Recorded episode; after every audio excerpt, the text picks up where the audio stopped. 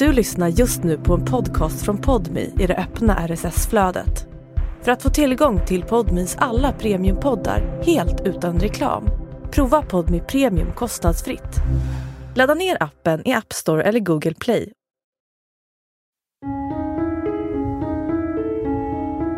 Seriemördarpodden, Lennart Lake och Charles Ng, del 1. Varning! Alla Seriemördarpoddens avsnitt är obehagliga, men den här serien är inget undantag. Så är du minsta känslig, undvik sommarspecialen. Ja, det här är Seriemördarpoddens tredje sommarspecial. 2017 gjorde vi ER Ons, 2018 gjorde vi Green River Killer och nu är det dags för Leonard Lake och Charles Ng. Den här serien är skriven av Jenny Ekstrand och Eva Martinsson. Sofia Ollesdotter har varit researchassistent. Ljudsättning och klippning har gjorts av David Persson. Och som vanligt är det jag, Dan Hörning, som berättar.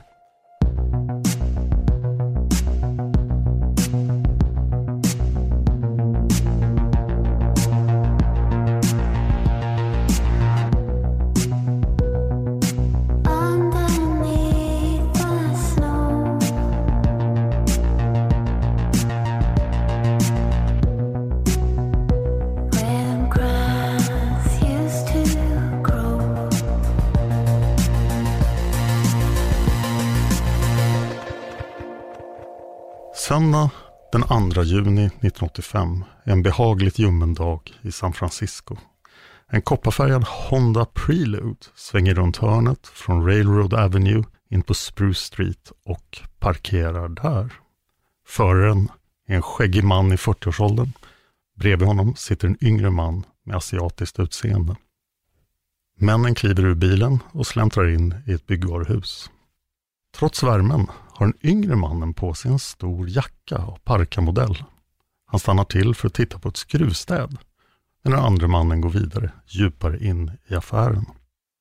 Ett par minuter tidigare har en man vid namn John Callas kommit in i butiken. John är ledig idag. Vanligtvis arbetar han som polis i södra San Francisco. I en trång del av butiken möter han den korte, muskulöse, asiatiske mannen som bär på ett skruvstäd. John är säker på att mannen kommer välja att svänga in en annan gång för att kunna komma förbi John. Men till Johns stora förvåning går mannen rakt emot honom och pressar sig förbi honom i trånga utrymmet och fortsätter sedan med snabba steg mot utgången. John, som har sin polisidentitet i ryggraden och som inte har sett mannen betala för skruvstädet, går fram till kassan och frågar affärsbiträdet om han precis har sålt ett skruvstäd. Nej, blir svaret. John och affärsbiträdet springer ut ur affären och försöker se vart mannen tog vägen.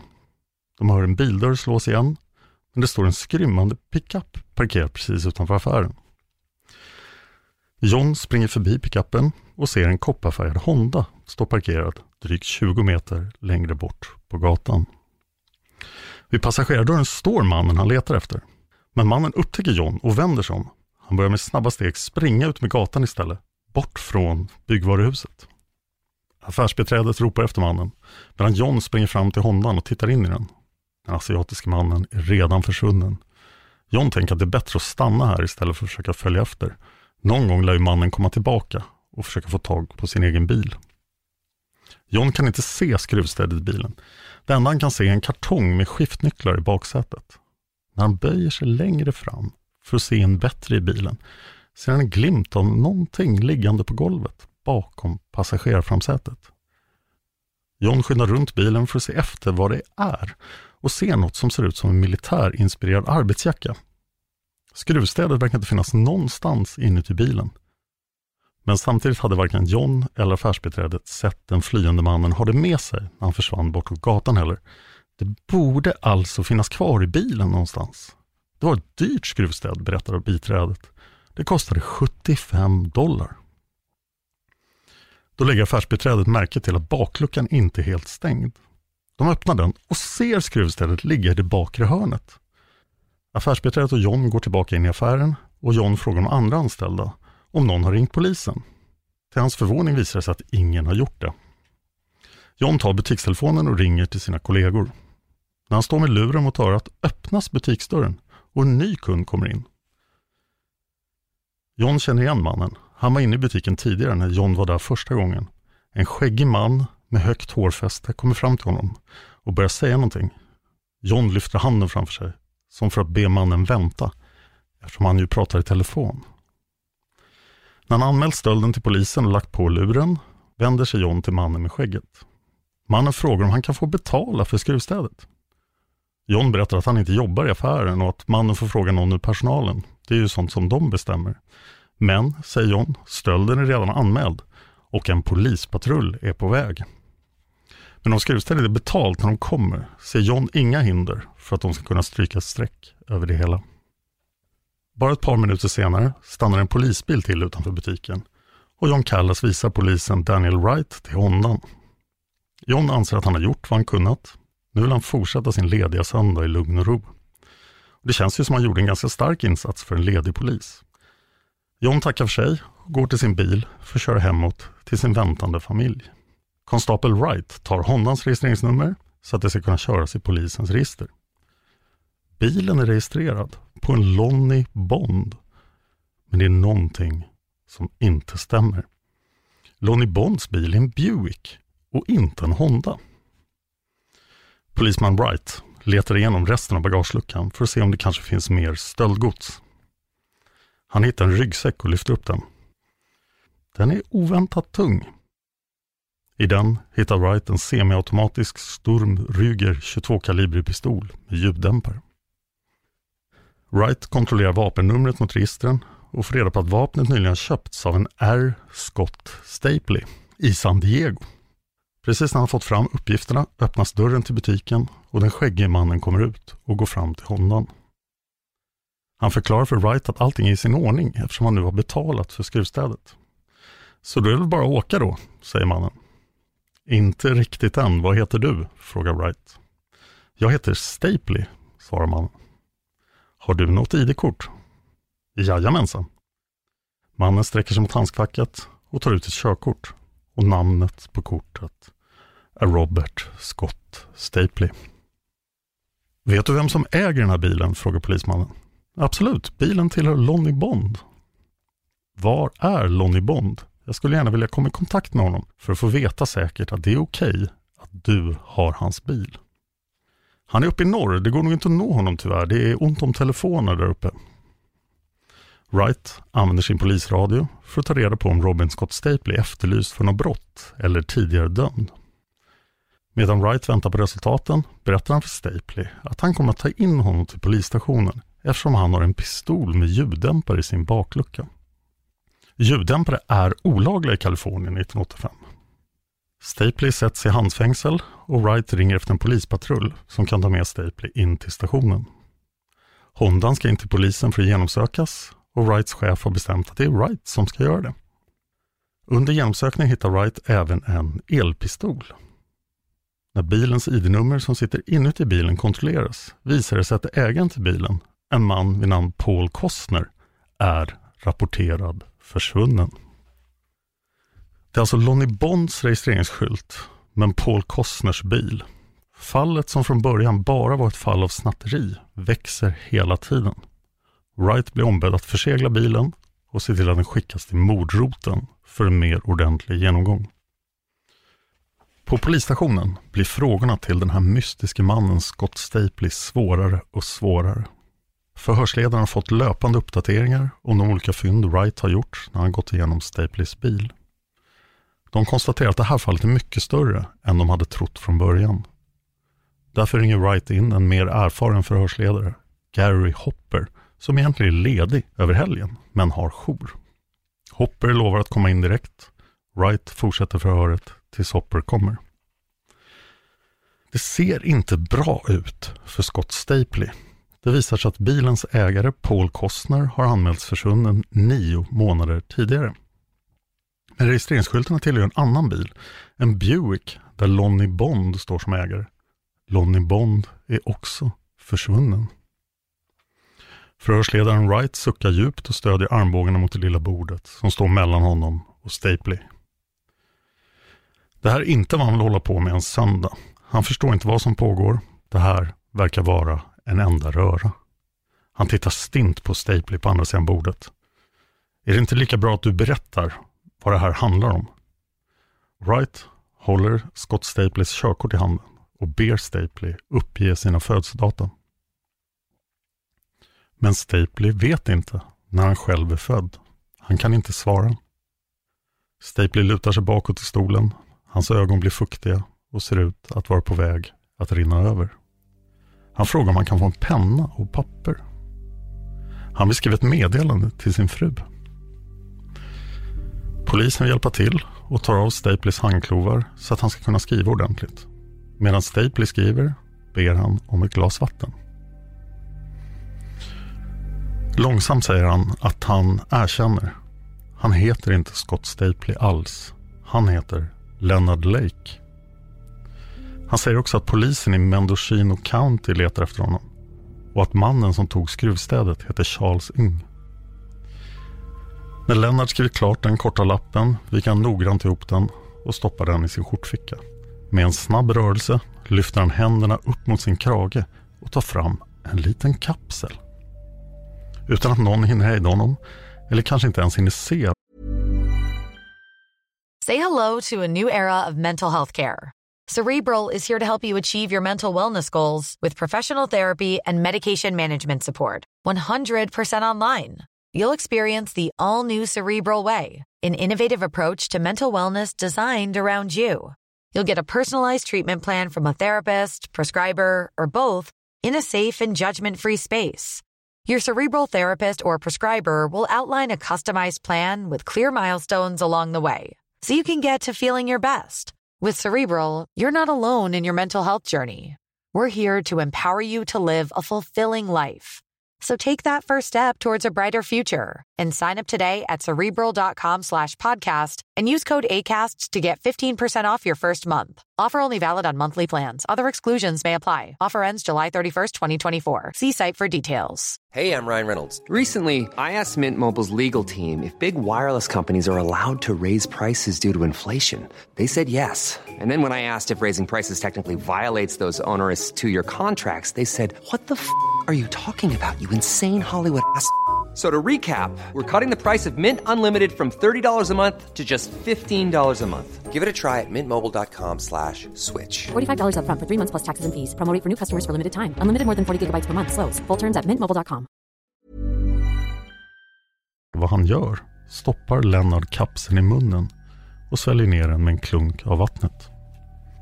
Några ögonblick senare faller Lennart Lake av sin stol och kollapsar i kramper på golvet. Cyaniden sprids snabbt i hans kropp. I precis samma ögonblick som Lennarts kropp landar på det kalla golvet kommer den nye förhörsledaren Gary Hopper in i förhörsrummet. Lennart körs i ilfart till sjukhus. Fyra dagar senare dör han. På lappen som Lennart skrivit under förhöret står det. Kära Clara Lynn. Jag älskar dig. Jag förlåter dig. Frihet är bättre än någonting annat. Berätta för Janet att jag säger förlåt. Jag ber om förlåtelse från alla. Från mamma. Förlåt för allt. Underskrivet Lennart. Lennard Thomas Lake föddes den 29 oktober 1945 i San Francisco. Det var en lycklig tid, en tid av världslig optimism.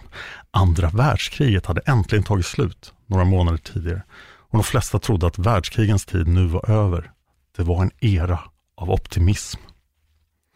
Lennarts mamma Gloria och hans pappa Elgin Lake hade planerat sitt första barns tillkomst noggrant. De hade båda passerat 20 och Elgin hade ett fast arbete som marinsoldat. Lennart föddes på St. Francis sjukhus bara fem timmar efter hans mamma vaggat in genom sjukhusdörrarna i verkar. Men trots världsfred och ett efterlängtat barn var paret Gloria och Elgin inte särskilt lyckliga alls. Grälen och meningsskiljaktigheterna avlöste varandra. Elgin flydde in i alkoholens värld. Alkoholen lindrade allt. Efter en jobbig arbetsdag gav det lindring. Efter ett bråk med Gloria gav det lindring. I alkoholen hade Elgin alltid en vän. Men paret höll ihop ändå. I alla fall ett tag. Fem år senare föddes Lennarts lilla syster Sylvia. Ytterligare ett år senare kom en lillebror, Donald. Men det var slitsamt. Föräldrarna grälade ofta och de verkade tycka olika om det mesta. Kort efter att Donald gjort sitt inträde i familjen förklarade pappa Elgin att han inte tänkte ta mer skit från sin fru och med det lämnade han Gloria och de tre barnen. Han tänkte skapa sig en bättre framtid i Seattle utan dem. Gloria fick slita hårt för att försörja sig och sina tre barn ensam. Två av barnen var dessutom mycket små när Elgin tyckte att han hade gjort sitt i familjen. Gloria och barnen tvingades bo i rivningslägenheter. De åt dålig mat. Lille Lennart var ofta hungrig. Behövde de medicin hade Gloria inte alltid råd att köpa den. Det fanns inga pengar till leksaker. Ville barnen ha något att leka med fick de pyssla ihop det själva. Gloria insåg snart att det här helt enkelt inte gick.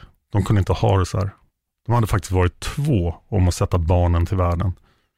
De skulle söka upp Elgin och Gloria skulle be honom att göra ett försök till med henne.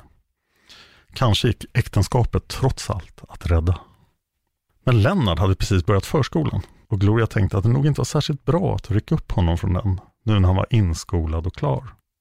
Hon bestämde sig för att lämna kvar Lennart i San Francisco under sitt försök att rädda äktenskapet. Lennart skulle få bo hos hennes föräldrar, alltså med sin mormor och morfar. De bodde på landet en bit utanför San Francisco.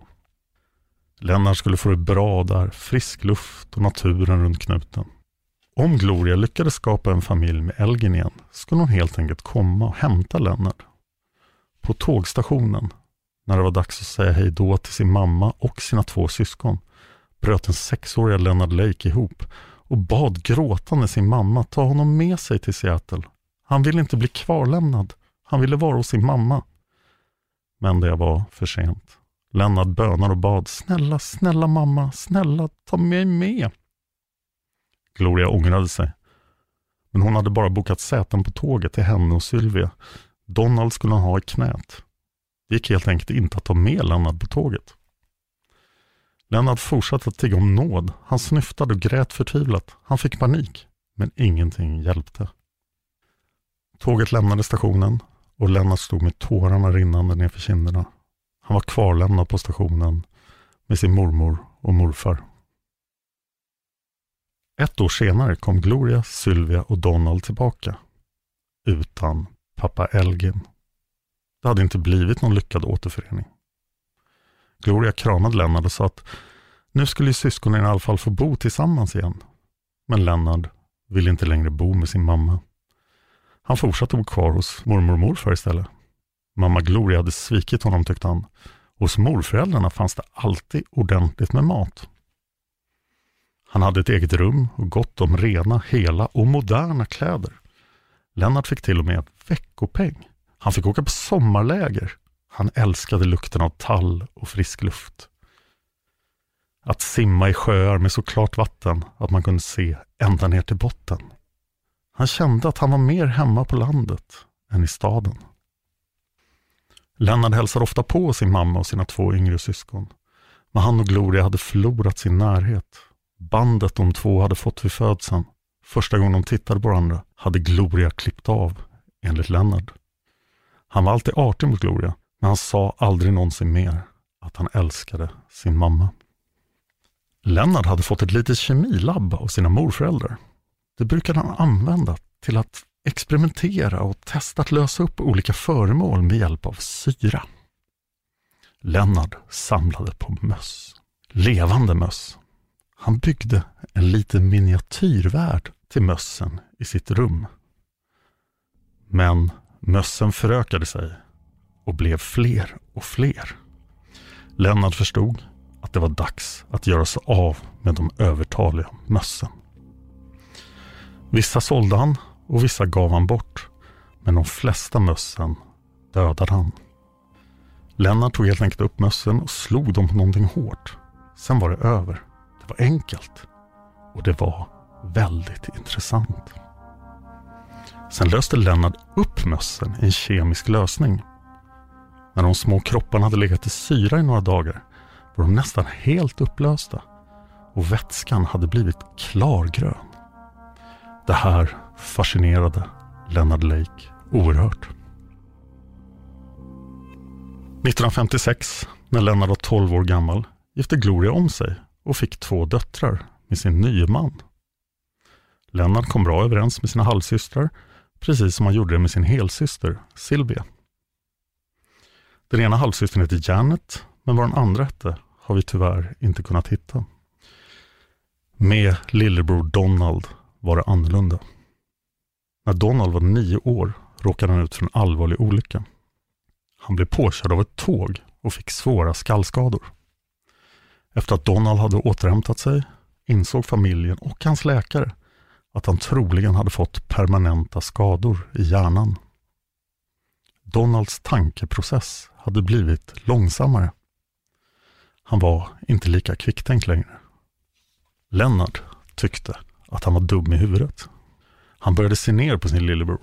Han hade inget till övers för svaghet. Lennart pratar ofta om svaga människor, som till exempel de som fick hjälp med sin försörjning genom välgörenhet från andra. De människorna var värda all frakt, berättade han för alla som ville lyssna. De svaga människorna borde straffas. Till halvsystern Janet sa han att om man skulle förgifta dricksvattnet för alla som fick bidrag skulle han gladeligen göra det direkt. Och hans lillebror Donald var numera en av de svaga. Lennart kallade Donald för en igel. Donald var en belastning. Han var en patetisk och korkad förlorare. Tiden gick. Det blev 1960. Lennart fyller 15 och samtidigt på andra sidan jordklotet i Hongkong föddes en man som skulle bli känd som Charles Ng. Seriemördare och våldtäktsman. Mannen som 25 år senare skulle bli Leonard Lakes högra hand och medbrottsling. Lennart bodde kvar hos sina morföräldrar men hälsade ofta på sin mamma och sina syskon. Det gick helt okej i skolan för Lennart. På fritiden träffade han vänner ibland men han satt lika gärna inne på sitt rum och gjorde olika experiment eller läste en spännande bok. Och han fick ett nytt intresse, att fotografera. När Lennart hälsade på sin mamma var det främst för att träffa sina systrar. Det finns uppgifter om att han tog nakenfotografier av systrarna och att deras mamma och eventuellt också mormodern uppmuntrade honom att göra det. Lennart utbytte tjänster med sina systrar. Om man gjorde något för dem fick de i utbyte betala med en sexuell tjänst. Vi vet tyvärr inte särskilt mycket mer om det här och vi vet inte heller om det gällde alla tre systrarna, bara Sylvia eller bara de yngre halvsystrarna. Lennart blev besatt av pornografi. Han samlade på porrtidningar som han gömde undan och tog fram så ofta han kunde. Han hade svårt att hålla tankarna borta från sex. Det distraherade honom så att han fick svårt att kunna koncentrera sig på annat. När helst han skulle fokusera på någonting, skolan eller ett experiment i hans lilla labb, dök tankar på nakna kvinnokroppar upp.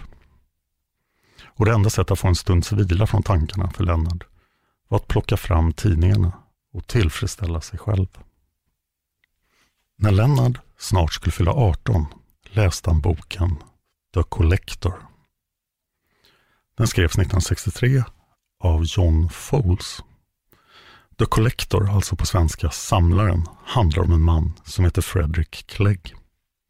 Fredrik är en man i 20-årsåldern som blir besatt av en vacker tonårsflicka vid namn Miranda Gray. Han kan inte slita ögonen Are you ready to enhance your future in tech? Then it's time to make your move to the UK, the nation that has more tech unicorns than France, Germany, and Sweden combined.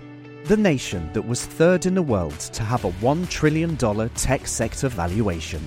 The nation where great talent comes together. Visit gov.uk forward slash great talent to see how you can work, live, and move to the UK. Ryan Reynolds here from Mint Mobile. With the price of just about everything going up during inflation, we thought we'd bring our prices down. So to help us, we brought in a reverse auctioneer, which is apparently a thing. Mint Mobile unlimited premium wireless. Ready to get 30, 30, bit to get 30, bit to get 20, 20, 20, bit to get 20, 20, bit to get 15, 15, 15, 15 just 15 bucks a month. So, Give it a try at mintmobile.com slash switch. $45 upfront for three months plus taxes and fees. Promo rate for new customers for limited time. Unlimited more than 40 gigabytes per month. Slows. Full terms at mintmobile.com. från Miranda. Fredrik betraktar henne på avstånd. Fredrik har ett stort intresse för att samla fjärilar. En dag vinner Fredrik en stor summa pengar genom vadslagning. Han börjar göra upp planer för att kidnappa Miranda. Samtidigt säger han till sig själv att det här bara är en fantasi. Han tänker självklart inte röva bort henne på riktigt. Tiden går och Miranda fyller 20. Hon flyttar till London för att studera vidare. Fredrik köper ett ensligt beläget hus på landsbygden inreder ett litet källarrum som en fängelsecell. En cell som det är omöjligt att fly ifrån. Han köper en skåpbil som han tänker använda när han ska ta Miranda. För nu har han bestämt sig för att han tänker göra verklighet av sina hemliga fantasier. En sen kväll när Miranda promenerar på Londons gator på väg hem fångar Fredrik in henne i sin bil och tar henne till sitt lilla hus. Miranda blir instängd i källarcellen. Nu börjar en viljornas kamp. Fredrik försöker förklara för Miranda att allt han vill är att hon ska älska honom. Varför kan hon inte göra det? Fredrik lovar Miranda att hon ska få bli fri efter en månad. Bara hon stannar en månad kommer han att släppa henne fri sen. Fredrik är säker på att om Miranda får vara med honom en månad kommer hon att börja älska honom och sen stanna kvar frivilligt. Men när Miranda säger till Fredrik att hon inte alls älskar honom och aldrig kommer göra det tar han tillbaka sitt löfte. Miranda försöker smita. Kampen blir så våldsam att Fredrik till slut tar till den kloroform han brukar använda för att döda sina infångade fjärilar. Han söver Miranda och stänger sedan in henne igen. Till slut försöker Miranda spela ut sitt sista kort.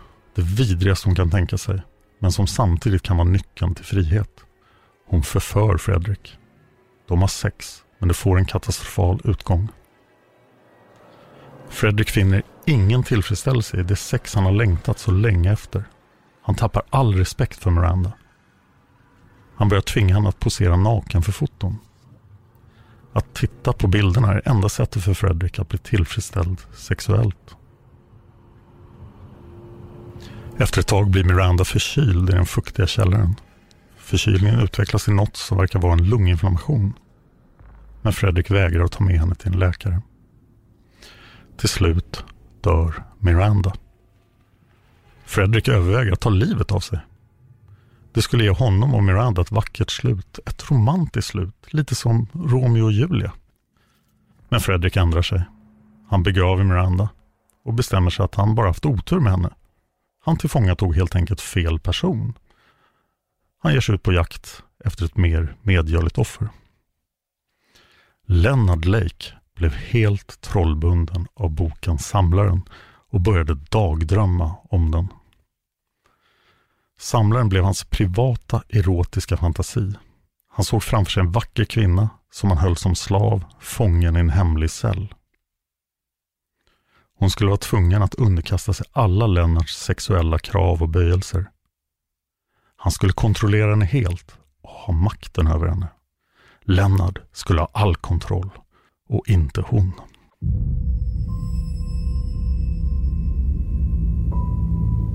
Lennart trivdes hos sina morföräldrar men samtidigt hade han en rastlöshet i kroppen. Han ville upptäcka och utforska. En kort tid efter att han hade tagit examen från high school fick han chansen som han hade väntat på.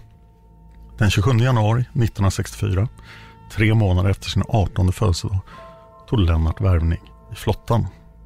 Flottan passade honom bra till en början. Lennart hade lätt för att anpassa sig till de nya villkoren och rutinerna. Och han var lite extra fascinerad av vapen. Under utbildningen lyssnade Lennart ivrigt när lärarna beskrev hur vapen kunde användas på olika sätt. Och vad kemisk stridsföring var för någonting. Lennart lärde sig allt om sprängmedel och sprängning. Han fick lära sig köra olika typer av fordon och blev duktig på kartläsning. Han lärde sig det militära språket och tyckte mycket om att använda det. Även i sitt privatliv började Lennart använda militära termer. Skulle någonting göras kallade Lennart det från och med nu alltid för en operation. Att handla mat blev operation förnödenheter. Att gå på toaletten blev operation avföring. Lennart var också väldigt förtjust i kamouflagekläder. När han var klar med grundutbildningen gick han vidare till att specialutbilda sig till radaroperatör. Han blev placerad på Camp Lejeune i North Carolina. I North Carolina hade familjen Lake släktingar. Lennart tillbringade ofta sina lediga helger hos sin morbror som bodde i närheten. Det blev april 1965 och Lennart åkte, som han ofta brukade göra, till sin morbror och moster för att spendera lovet. Den första helgen fick de middagsgäster, familjen Minersman med en 18-årig dotter som hette Karen. Karen studerade matematik på ett college i Delaware, men det var ju lov och hon ville tillbringa lovet hos sina föräldrar. Hon hade lite hemlängtan. Det var skönt att vara hemma i flickrummet i några veckor.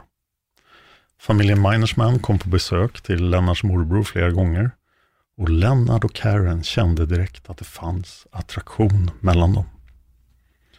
De tillbringade all tid de kunde tillsammans under det allt för korta vårlovet. Innan Lennart återvände till basen hade han och Karen kommit överens om att de skulle brevväxla. De unga Tu utväxlade kärleksfulla brev fram och tillbaka fram till att Lennart blev skickad på uppdrag till Vietnam. Strax innan julen 1965 anlände Lennart till Sydostasien. Lennarts tjänst var att jobba som radaroperatör, att se till att radarutrustningen alltid var i perfekt skick. Han rengjorde och testade utrustningen och behövde någonting lagas så gjorde han det. Men egentligen drömde Lennart om krig. Att vara i stridens hetta och inte sitta och polera muttrar och rengöra linser. Lennart och Karen fortsatte att brevväxla ett tag innan det hela rann ut i sanden. Ett år senare var Lennarts utlandsuppdrag slut och han återvände till USA. Han blev stationerad i Kalifornien vid Point Mugu Naval Air Station. 1968, tre år efter att de hade träffats första gången, började Lennart och Karen skriva till varandra igen. Karen anförtrodde Lennart att hon kände sig ensam och att hon kände sig ovanligt ung och osäker för sina år, trots att hon var myndig. Lennart svarade att han uppskattade hennes ärlighet. Han tyckte bara det var charmigt att hon kände sig ung och oerfaren. Det tyckte han att hon skulle se som positiva egenskaper istället för negativa. I mars 1969 använde Lennart sin ledighet till att flyga till Delaware, där Karen fortfarande studerade. Lennarts plan var att se till att den spirande roman som han och Karen hade känt utvecklades till ett riktigt förhållande. De hade brevväxlat tillräckligt nu. Det var dags att lära känna varandra på riktigt. Och det visade sig att Lennart var ute efter mer än att inleda ett förhållande. Han friade till Karen. Till sin lättnad fick han ett ja. Karen följde med Lennart tillbaka till Kalifornien och inom en månad var de gifta. Men livet för paret blev vardag snabbt. Karen märkte att hennes man hade små egenheter. De hade ju faktiskt inte riktigt hunnit lära känna varandra ordentligt innan de gifte sig. Hon insåg att de faktiskt inte hade lärt känna varandra alls. Visst, de hade känt varandra i flera år, men under en större delen av den tiden hade de bara brevväxlat. Karen märkte att Lennart var grov och ohyfsad Ibland skämtade han med sina kollegor om att han kunde tänka sig att sälja hennes kropp till dem och ta betalt per timme. Karen kämpade hårt för att se det roliga i hans kommentarer, men hon lyckades inte riktigt. Han generade henne och de här konstiga kommentarerna kom alltid när hon var i närheten. Det var som att han ville att hon skulle höra vad han sa om henne. Karen visste inte att, om det var så att Lennart hade väldigt dåligt sinne för humor, eller om han faktiskt ville att hon skulle prostituera sig. Lennart bad henne alltid att klä sig i så utmanande kläder som möjligt. Ju mindre tyg, desto bättre. Den andra saken som oroade Karen var att Lennart blev mer och mer kontrollerande. Han ville alltid veta var hon var någonstans, när hon skulle komma hem och vem hon hade träffat. Det var som att hon var en docka och han ville styra varje steg hon tog. Karen kände det ibland som att hon hade blivit Lennarts slav, lite av hans marionettdocka. När Lennart tackade ja till den andra vända i Vietnam i mitten av 1970 kände Karen sig till sin förfäran lättad. Hon var nygift, men hon kände sig ändå lättad för att hennes make skulle resa bort. Hon undrade om det hon kände var normalt. Det var inte intrycket hon hade fått av andra nygifta par. Lennarts mormor och morfar hade flyttat från landet utanför San Francisco till Gate, en liten stad mitt i Kalifornien. De frågade om inte Karen ville bo med dem under tiden som Lennart var i Vietnam. Karen kände inte för att vara ensam och tackade därför ja. Hon var glad över att Lennart var borta. Hon hade aldrig haft en egen bostad som bara var hennes. Hon var van vid att alltid ha sällskap och det var så hon ville ha det. Lennart åkte iväg igen. Han trivdes i Vietnam. Han skrev brev till Karen och skröt om allt dödande han var inblandad i. Han berättade att hans mest ansträngande arbetsuppgift var att dra upp blixtlåset på de svarta säckar som armén lade de döda i. Lennart var stationerad i Danang, en kuststad med 200 000 invånare och 3 500 amerikanska soldater. Lennart tjänstgjorde fortfarande som radaroperatör. Han var långt från stridernas centrum. Hans berättelser om att delta i strid var bara drömmar. Inte mardrömmar, utan just drömmar. Lennarts arbetsdagar var långa och han blev tröttare och tröttare. Han började inbilla sig att Karen hade svikit honom hemma i USA. Hon hade säkert varit otrogen. Tiden gick och till slut var allt Lennart kunde tänka på var vad Karen gjorde hemma i USA. Hon hade säkert sex med alla hon såg. Lennart såg framför sig hur hon bjöd in dem i deras hem och låg med dem i Lennarts och hennes säng. Till slut tog den kontrakterade tiden slut och det var dags för Leonard Lake att åka hem till USA igen. Lennart kom hem från Vietnam i dåligt skick. Han var utarbetad och han hade blivit paranoid.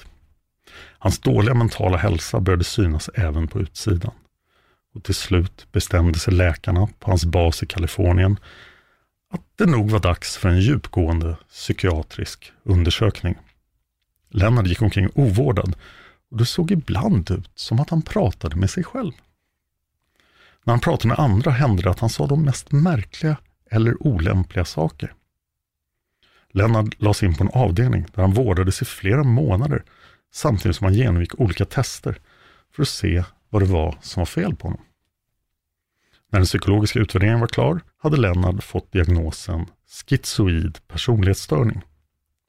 Läkarna rekommenderade att Lennart skulle få avsluta sin tjänst på grund av medicinska orsaker. Och så blev det. I januari 1971 var Lennart Lakes militära karriär över. Lennart och Karen bestämde sig för att starta ett nytt liv. Börja om på nytt. De köpte ett hus i San Jose som ligger längst ner i San Francisco-bukten. De trivdes bra och Karen tyckte till en början att det var mysigt att ha sin man boende i samma hus. Han var lugnare och mycket trevligare att ha i närheten. Karen tänkte att kanske hade hans erfarenheter i Vietnam gjort honom mer ödmjuk och inkännande. Lennart sökte arbete men fick bara korta uppdrag. Paret var finansiellt pressat. De behövde lösa sin situation snabbt. Annars skulle de behöva sälja sitt hus igen. Karen arbetade inte. Den enda inkomst hon hade var det Lennart kunde skrapa ihop under sina småjobb här och där. Men en dag kom Lennart på den perfekta lösningen. Karen skulle ju kunna tjäna riktigt bra med dricks genom att dansa på en topless bar. Hon var ju snygg och dansa kunde hon också. Karen blev förnärmad. Skulle hon dansa på en topless bar? Men efter ett tag började idén verka mer och mer rimlig. Så jobbigt var det inte att dansa. Och Karen var inte särskilt pryd. Och framförallt, de behövde pengar desperat. Trots att Karen fortfarande hade tvivel som gnagde i bakhuvudet gick hon på en audition och fick jobbet direkt. Snart arbetade Karen 45 timmars veckor på en lokal strippklubb en kort biltur från deras hem. Lennart å sin sida slutade att söka jobb särskilt aktivt. Han behövde ju egentligen inte jobba nu när Karen drog in så mycket pengar. Lennart var mest hemma, påtade i trädgården och anlade en ekologisk grönsaksodling. Samtidigt började han dominera Karen allt mer igen. Och nu blev det värre än innan han åkte till Vietnam. Lennart började slå sin fru. Först ganska löst med öppen handflata, som en liten skämtsam tillrättavisning. Han hånade henne för att hon arbetade som strippa, samtidigt som han alltid ville höra alla detaljer om hennes kvällar på klubben. Våldet eskalerade. Efter ett tag gav Lennart Karen knytnävsslag. Samtidigt som han slog frågade han Karen om hon njöt av det. Slagen var Leonard Lakes version av förspel. Han gjorde sex till en livsstil. Han skaffade en bra kamera som han började bära med sig överallt. Men allra mest använde han kameran i sovrummet. Han kände sig mer och mer som samlaren Fredrik, den fiktiva mannen som var hans idol. Lennart kunde när som helst beordra Karen att klä av sig och posera för ett foto. Lennart fyllde ett helt album med bilder av Karen i olika utmanande ställningar. Pengarna som Karen tjänade på dansa topless tog Lennart hand om direkt hon kom innanför dörren, efter varje skift. Lennart bestämde allt i parets liv. Vad de la pengar på, vad de gjorde och vilka de umgicks med. Lennart började föreslå för Karen att eh, de skulle börja med partnerbyte.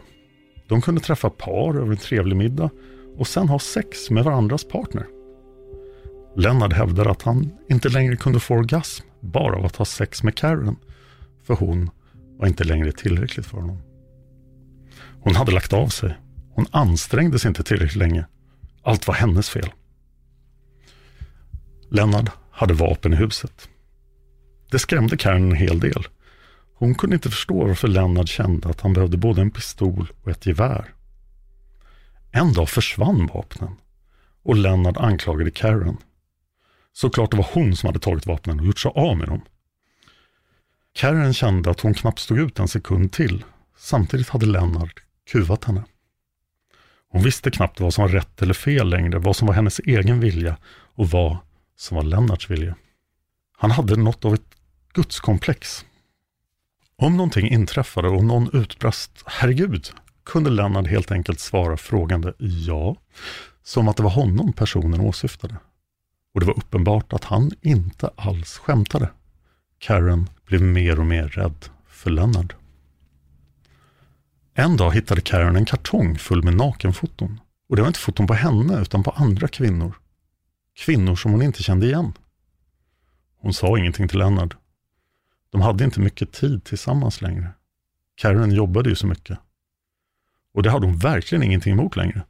För när hon arbetade slapp hon att vara med sin man.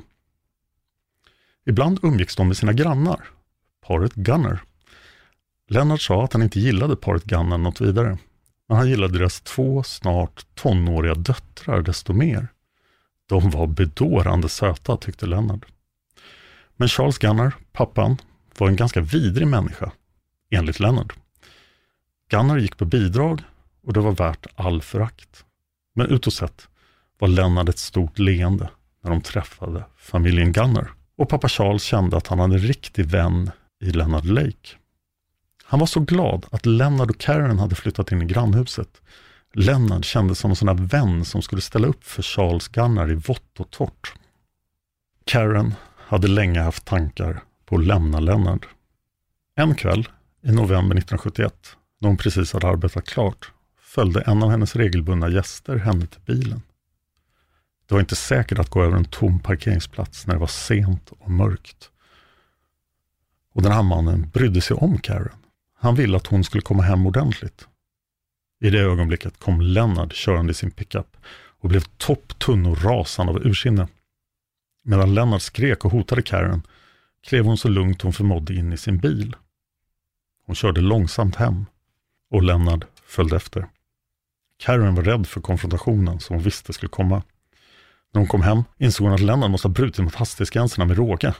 Han hade hunnit hem långt före henne och hunnit slänga ut alla hennes kläder på uppfarten innan han hade låst ytterdörren. Karen hade inga nycklar med sig. Hon var inte säker på att hon skulle ha vågat använda dem, även om hon hade haft dem med sig. Istället samlade Karen ihop sina tillhörigheter och packade in dem i sin bil. Men hon körde inte iväg. Istället låste hon bilen inifrån och kröp ihop i baksätet för att sova. Hon var helt slut, både känslomässigt och mentalt. I bilen var hon i alla fall säker. På morgonen åkte hon hem till en vän för att duscha och göra sig i ordning inför dagens arbetspass. När Karen kom ut från jobbet den kvällen såg hon direkt att någon hade brutit sig in i hennes bil. Större delen av hennes kläder var borta. Hon räknade snart ut att det var Lennart som hade tagit hennes saker. Självklart var det Lennart. Det fanns ingen annan som ville henne illa. Eftersom Karen inte hade någonstans att bo sov hon i deras lilla husvagn som stod parkerad på deras tomt. Det var kallt och det var litet, men det var säkert. Vid nästa löneutbetalning lämnade Karen inte över pengarna till Lennart, som hon var van att göra. Istället hyrde hon en lägenhet och flyttade in där direkt. Veckorna gick. Karen trivdes med att bo själv. Och hon älskade sin nya lilla lägenhet. Lennart försökte inte förmå henne att flytta in i huset igen. Däremot började han trakassera henne. Flera gånger bröt han sig in i hennes lägenhet och brände hål i hennes kläder med hjälp av syra. Om Karen och Lennart någon gång stötte på varandra var Lennart noga med att rabbla upp alla ställen Karen hade varit på, saker som hon hade gjort och personer som hon hade träffat. Så att hon skulle veta att han hade sina blickar på henne hela tiden. Hon fick intrycket av att Lennart gillade det. Att det var som en spännande jakt för honom. Men förfölja folk är jobbigt och till slut rann trakasserierna ut i sanden. Lennart tröttnade helt enkelt. Karen tog ut skilsmässa 1972. De hade varit gifta i två år. Under den korta tiden hade Lennart hunnit förvandlas från drömprinsen till varje kvinnas mardröm. I alla fall Karens mardröm. När skilsmässan gick igenom kände hon att det var hennes livs lyckligaste dag. Hon hade undkommit Lennart. Karen Minersman blev inte ett av seriemördaren Lennart Lakes offer. Seriemördarpodden finns på Facebook. Gå gärna in och likea där. Jag finns på Twitter som Dan Horning. Tack till Trippna som har skrivit låten Immun. Och tack till dig för att du lyssnar på Seriemördarpodden.